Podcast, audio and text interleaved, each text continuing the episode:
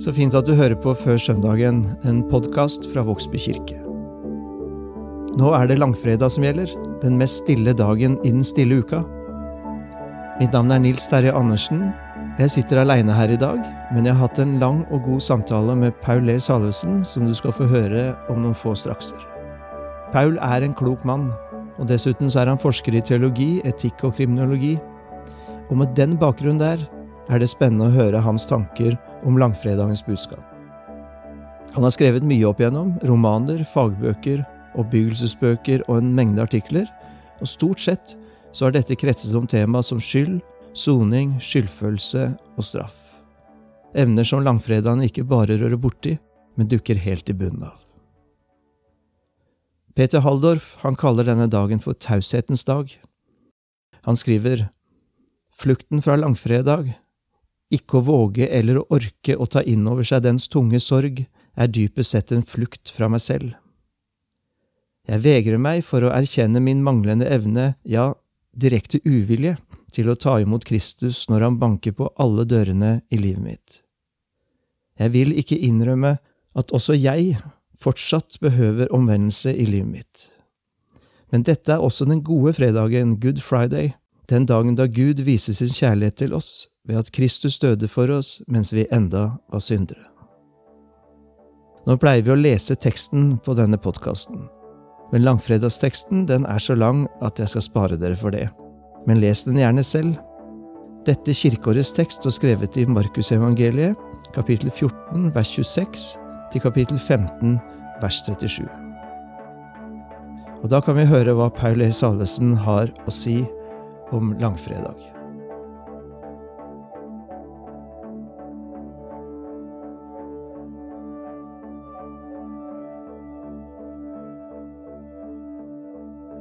Ja, Per Leif Salvesen, velkommen hit.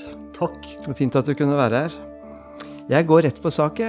Hva var det som tok livet av Jesus? Altså, først må vi se på selve historien. Der vet vi jo litt om eh, rettsprosesser og politiske forhold i eh, Israel-Palestina-området på den tiden. Eh, vi vet at jødene hadde i behold en viss justis, som handlet om at de kunne slå ned på gudsbespottelser og kjetteri. Men de fikk ikke lov å eksekvere dødsstraff. Det hadde romerne overtatt. Så først tror jeg jeg vil si at de jødiske lederne ble veldig provosert av Jesus. Og det var flere utsagn han hadde kommet med som, som de oppfattet som gudsbespottende. At han plasserte seg altfor nær Herren Javé, altfor nær Gud. Og også at han brøt sabbatsforskriftene og en rekke andre sånne provoserende ting. Så de så han åpenbart som en religiøs trussel. Og så eh, toppet det seg jo veldig i Israel under påsken. Det var masse, masse folk i byen. Og eh, Pilatus prøvde seg med en, eh, et kompromiss. ikke sant? Det var vanlig at én fange kunne løslates denne dagen. Og han spurte rett og slett om, de ikke kunne løse det hele på den måten. Bare sette denne Jesus fra Nasaret fri. Men da protesterte ikke bare eh, jødenes ledere, men også folk i gatene. Jeg hadde nær sagt mobben. Det kan tyde på at denne Barabas, han eh, som dukket opp som den som skulle bli satt fri, at han var en folkehelt. Men i hvert fall så vendte mye av aggresjonen seg mot Jesus. Og de begynte å rope 'korsfest, korsfest'. Så det er da den andre muligheten, at det rett og slett var mobben, folk flest, som ønsket denne mannen død. Og For å spørre inn der, vet vi, vet vi noe om Han var jo så populær på palmesøndag. Han red inn i, i, byen da. Tror du, Det er kanskje umulig å vite, men tror du det var de samme menneskene som snudde seg mot han, eller var det ulike miljøer her? på... Gategjenger. Ja, det, vet vi jo ikke. Altså, et, et, et, sånt mer sånn teologisk farvet poeng er at jeg tror både du og jeg ville vært i mobben.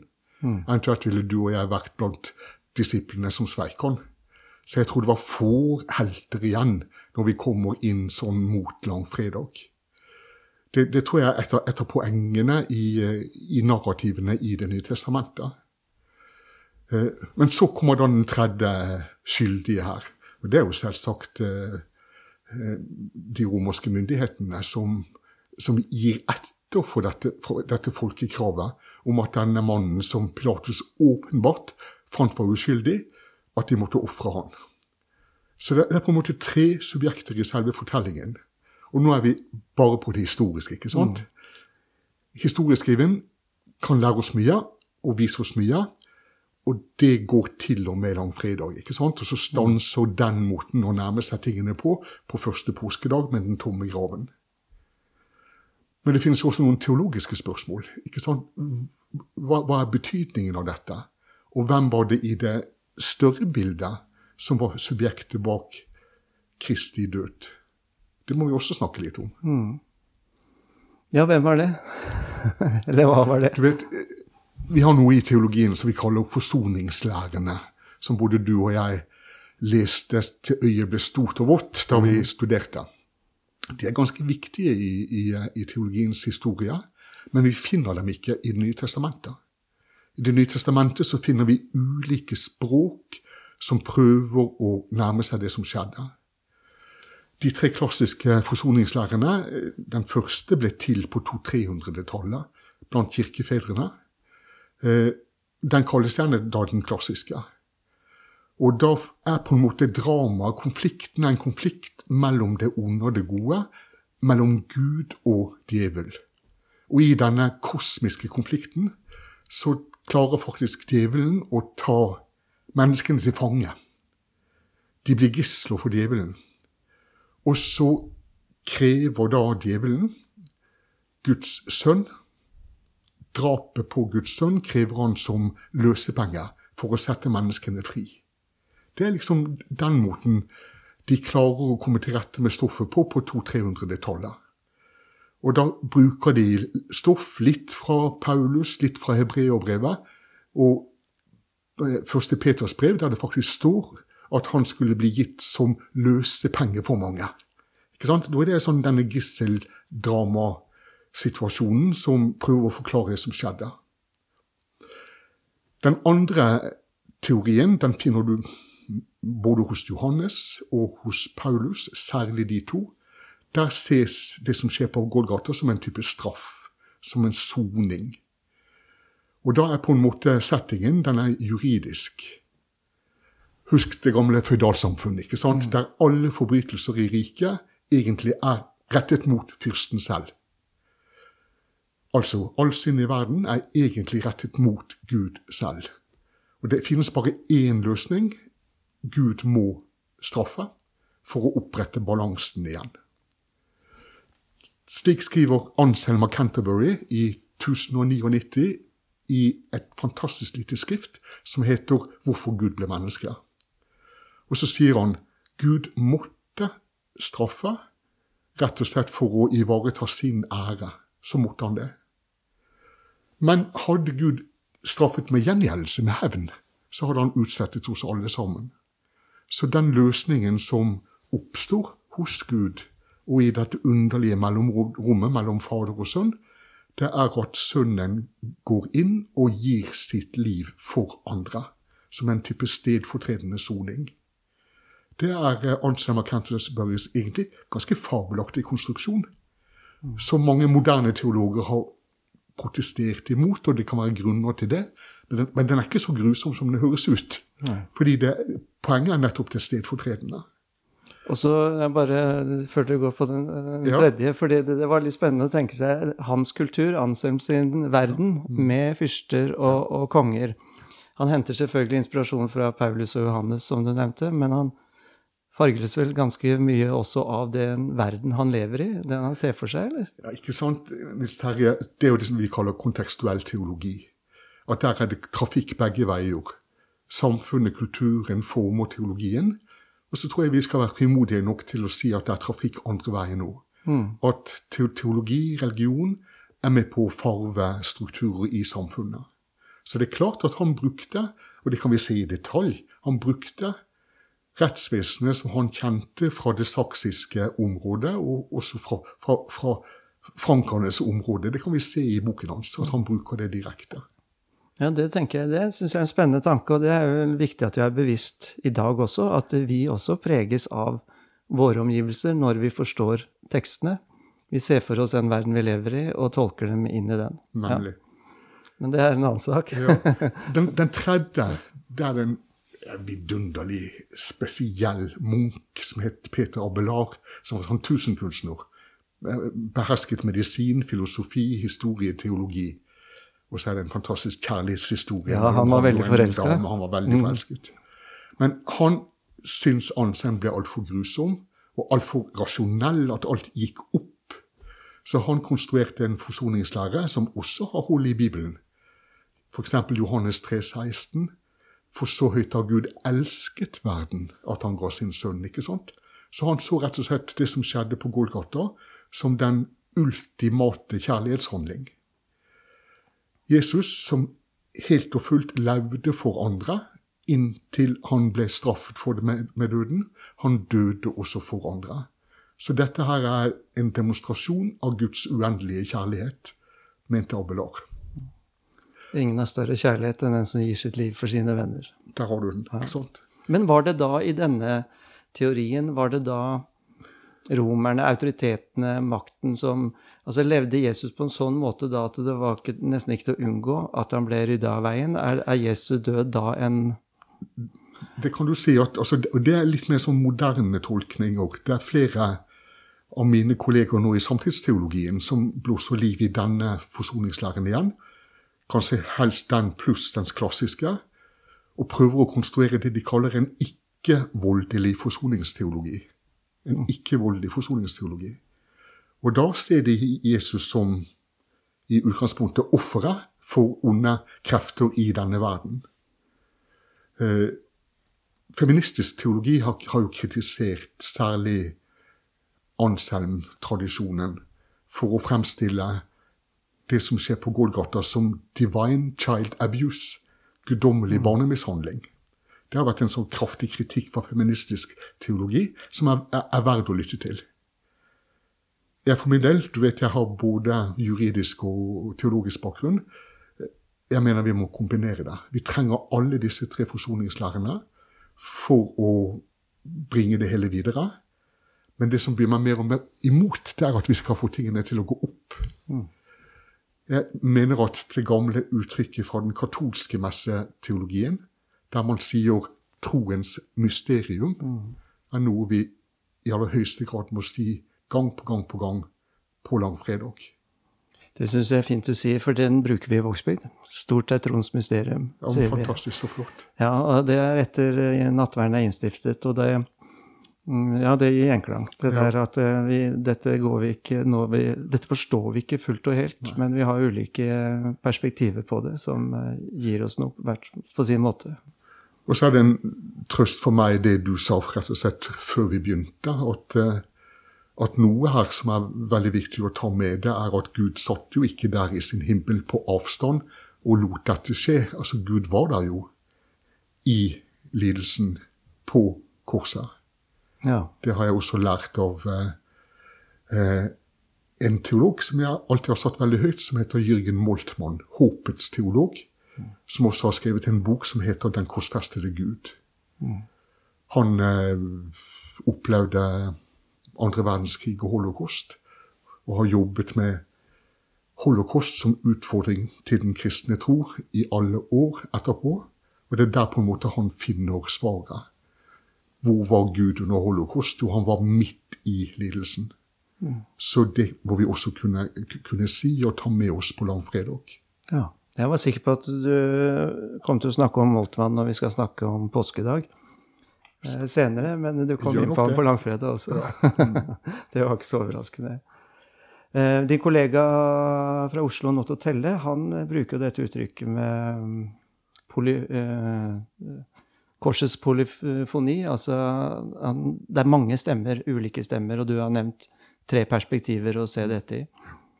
Um, ja, men stort er Tronds mysterium. Jeg tror vi må holde fast på det. Men eh, disse ulike perspektivene Du sa at du vil holde fast på dem. Eh, alle tre. Kan du si litt mer om hvorfor vil du det? Hva er det de bringer med seg? Eh, det som jo er vanskeligst, har jeg inntrykk av for mange i dag, det er jo den objektive forsoningslæren som du snakka om. Mm. Og kanskje noe av grunnen til det er jo at vi, vi ser jo for oss en kjernefamilie med far og sønn, hvor han ofrer sin sønn. Mens, mens, dette jo er, kanskje er metaforer, går an å forstå det sånn, forholdet mellom, mellom sønnen, eller Jesus, og, eh, og, og treenigheten. Eh, men det, det, blir jo ekstra brutalt, da. Så sier du at hvis det er Gud som gir seg selv, så, så blir det annerledes. Men hva slags perspektiv er det noe viktig perspektiv med en objektiv forsoningslære i dag som, du, eh, som, gjør at du vil holde fast på den, det perspektivet? Mm. Altså En kritikk som er kommet, særlig i moderne teologi, det startet vel for omtrent 100 år siden, det er at vi må få vekk de juridiske eh, undertonene i teologien. For da blir Gud så grusom. Og det er vel verdt å lytte til denne kritikken. Men vi må ikke kaste, etter min mening, babyen ut med badevannet. For det juridiske språket ivaretar noe som er viktig, nemlig rettferdighetstenkningen. Og, og den delen av uh, gudslæren som går ut på at Gud kan bli vred, at Gud konfronterer synd, og at Gud vil ha rettferdighet, og at Gud vil skaffe ofrene rett. Alt dette er juss. Du finner det i Det gamle testamentet, og du finner det i Det nye testamentet. Eh, så derfor trenger vi på sett og vis også dette elementet av rettssal som er der. Eh, en av eh, våre lærere i teologi som har vært veldig opptatt av dette, er Karl Barth, den store reformerte teologen. Som var motstandsmann under krigen, og som hele tiden hadde, hadde et samfunnsengasjement ved siden av å være en, en lærd teolog. Så han, han, forsvarer den forensiske, den rettslige forsoningslæren på denne måten. Men så sier han, og det er troens mysterium Det som skjer, det er at dommeren blir den dømte. Det er et fantastisk uttrykk. Dommeren blir den dømte. Så til, til sist så sprenges jo rasjonaliteten i den jordiske rettssalen. Den sprenges i uh, i det øyeblikket vi også ser dette som, som, som, som del av inkarnasjonsteologien og den treenige gudslæren. Jeg syns det er et veldig flott uttrykk. Og det er også en fortsettelse her, fordi de som gjerne vil ha vekk jussen, vil også gjerne ha vekk dommedag. ikke sant? Det fremtidige domsperspektivet som ligger der. Og det er det en annen som har lært meg noe veldig viktig, og det er Knut Løkstrup, den danske filosofen og teologen, som sier at selvsagt må vi bevare forestillingen om dommedag i kristen teologi. For den dag, når den dag kommer, så skal jo Gud skaffe alle historiens undertrykte ofre rett og reise dem opp igjen. Så det er liksom sånn to ganske viktige grunner til at, at vi også må bevare Anselm og hans stemme som en viktig del av kristen teologi. Hvis vi bare jobber rundt med å snakke om kjærlighet hele tiden, så mister vi noe vesentlig. Og det er også da mulig å si at Gud er kjærlighetens Gud. Gud er den som elsker verden og oss, samtidig som vi kan fortsette å si at han kan bli vred, og han kan kreve rettferdighet, og han kan dømme. Hm. Hvis vi nå løfter dette ut av eh, det teologiske og, og stiller spørsmålet til oss i dag, hvorfor er dette med dom så viktig? Nå er jeg redd jeg stiller deg det der ja, ja. totimersspørsmålet, men uh, Jeg skal prøve å være kjapp. Du vet jo, det, er liksom mye dette jeg har jobbet med og skrevet om i alle år.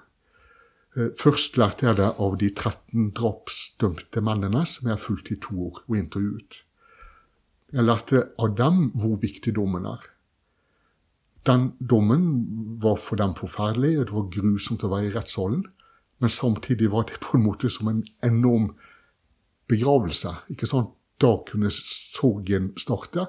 De fikk tingene på plass. Så de kom stadig tilbake til hva som skjedde i rettssalen. Og så har jeg da i neste fase av mitt liv jobbet veldig mye med voldsofre. Voldta, voldtatte kvinner. Jeg har skrevet bøker om dette. Og Da blir det enda sterkere hvor viktig dommen er. Altså det å, det å bli trodd, det at det er en viss grad av rettferdighet som gjør at samfunnet sier 'fy, dette skulle ikke du ha opplevd, dette skulle ikke du ha gjort'. Klart det er viktig. Å leve i et samfunn der eh, våre barn og barnebarn kan bli voldtatt uten at det skjer noe som helst, det, det er en grusom forestilling. Noen ganger i historien har vi hatt slike samfunn. Jeg er sikker på de er helt forferdelige å leve i. Så eh, dommen innebærer også det at jeg skal slippe å gjøre opp selv. ikke sant? Jeg skal slippe å være selv den som hevner urett mot meg og min familie. Det er jo liksom kjennetegnet på rettsstaten, at, at noen andre overtar når jeg ikke lenger er i stand til å gjøre det selv. Men hvor viktig er selve dommen 'du er skyldig' eh, og forholdet til straffen, eh, tenker du? Det er også et totimersspørsmål, men Ja, alltid, med, alltid med egentlig at uh, dommen er viktigere enn straffen. Både i teologien og i jussen. Rent praktisk så må vi jo ta hånd om folk som har gjort forferdelige ting, og beskytte dem for seg selv og for samfunnet en god periode etterpå. Men jeg mener likevel at, at selve dommen er viktigst. Altså. Bare tenk etter 22. juli. Da var rettssaken et begravelsesritual for hele landet. Enormt viktig. Eh, når det gjelder straff, så er det to former for straff historisk. Den ene er gjengjeldelse. Da er den dømte et objekt for det som skjer. En adresse. Noe skjer med han. Den andre formen for straff det er jo soning i form av bot. Gjøre godt igjen. Satisfaktio, som det heter på latin. Og, og så pendler liksom disse regimene mellom de to polene hele tiden. Samfunnsstraff, som det heter nå, det er vel eh, bot. Mm. Og Ullersmo heller mest til gjengjeldelse. Men ikke bare. For midt inne i Ullersmo finnes det verksteder. Og det finnes kjøkkener der folk lærer å jobbe, og folk kan ta utdanning. Så er det bot likevel. Mm. Midt inne i ordet forsoning, på de skandinaviske, nordiske språkene og tysk, så finnes ordet soning. Og Det betyr jo kort og godt eh, sømme sammen, sy sammen, på urnordisk. Altså det har oppstått en kløft, noe har gått i stykker, og så skal man reparere dette igjen. Det er egentlig det som ligger i selve begrepet. Noe må skje for at konflikten skal løses. Og da gikk vi plutselig inn i teologien igjen, for det ja. er vel det, et sånn motiv ved det Jesus gjorde, at han, han forsonet eller det, førte det sammen, det som var skilt mm. på den dagen. Og så blir han kalt Guds lam. Hver søndag i nadverliturgien så synger vi om Guds lam. Det er litt av en historie. Ja, Kan du ta oss gjennom ja. høydepunktene der? For den eldste form for konfliktløsning vi kjenner, har jeg lært av en fransk-canadisk filosof som heter René Girard. Det er syndebukken. Det er den eldste. Han har en sånn fantastisk bok hvor han skriver om ursamfunnet, urlandsbyen, der alle er i konflikt med alle. Alle vil ha det den andre har, eller bli det den andre er. Mm. Og når alle står mot alle, så er det dødelig. Da er det one man standing til slutt. Mm. Dødelig såret. Det første de da måtte lære seg, er å konvertere konflikten alle mot alle til alle mot én. Finne syndebukken som kan ta skylda som de kan jage ut i ørkenen, eller som de kan eh, kappe huet av. Det er den eldste form for konfliktløsning. Og du ser på en måte i eh, eh I Det gamle testamentet kan du se dette her i randsonene. Dette har vært der i denne kulturen med syndebukken. Vi ser det i Kain og Abel-ofringen. ikke sant? En konkurranse mellom animalske ofre og vegetabilske offeret, så du ser det, det er der. Så sier da eh, at dette finner du igjen i de bibelske tekstene. Og så ser du hvordan Gud tillater at Jesus blir syndebukk. For en syndebukk er alltid uskyldig. Eller det er irrelevant egentlig om han er skyldig eller ikke.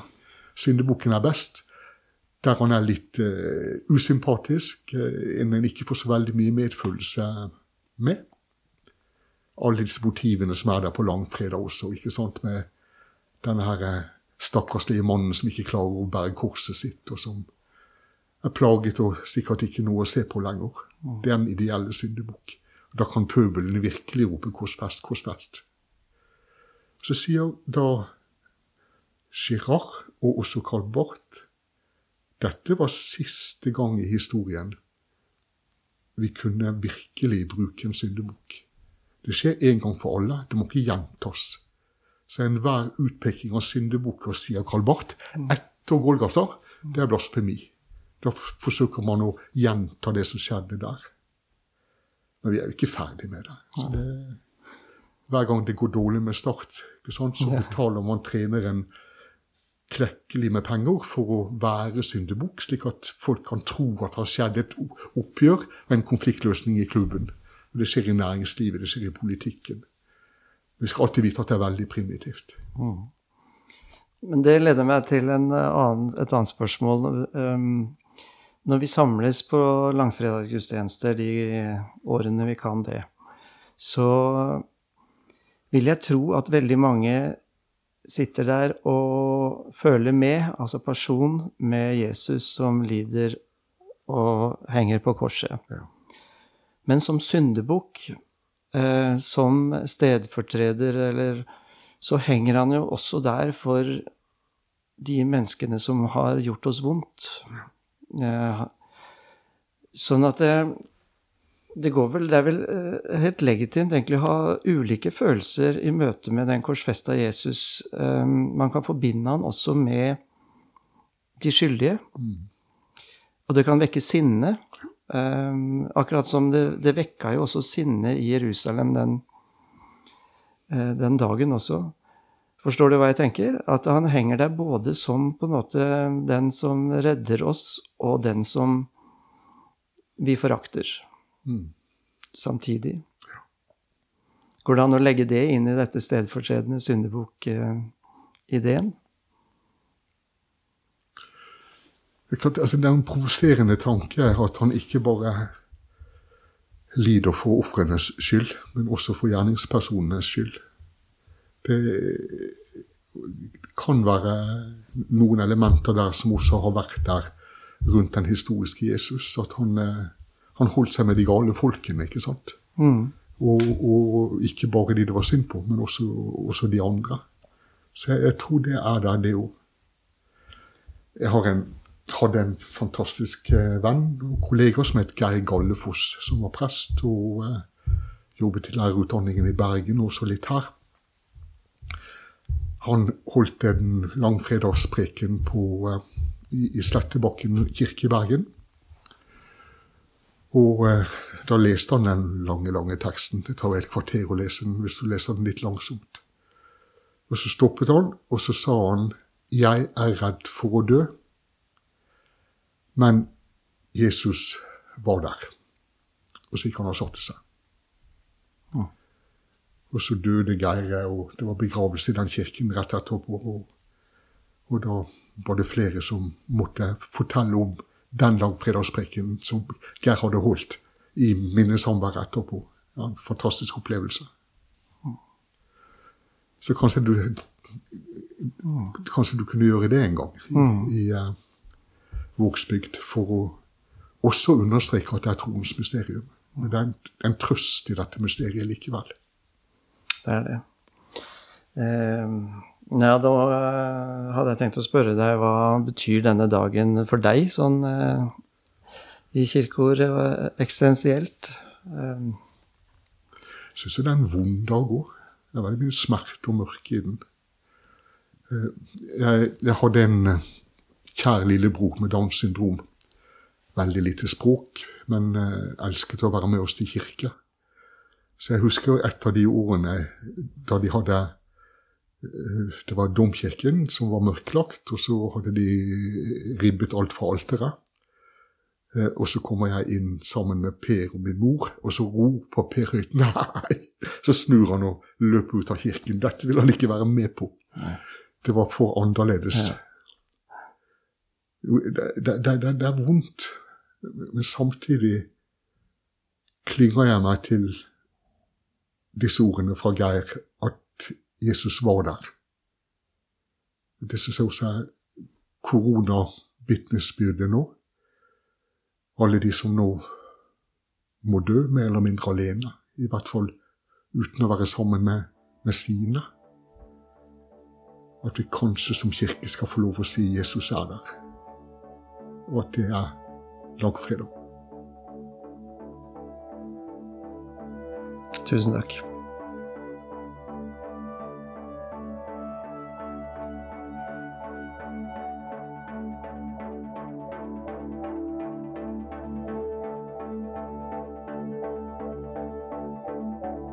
Jesus er der. Det er langfredag. Og det var langfredagssamtalen med Paul E. Salvesen. Han skal vi også snakke med til påskedag. En pod som legges ut om noen få dager. Og før vi avslutter denne, så ta imot Herrens velsignelse. Herren velsigne deg og bevare deg. Herren la sitt ansikt lyse over deg og være deg nådig.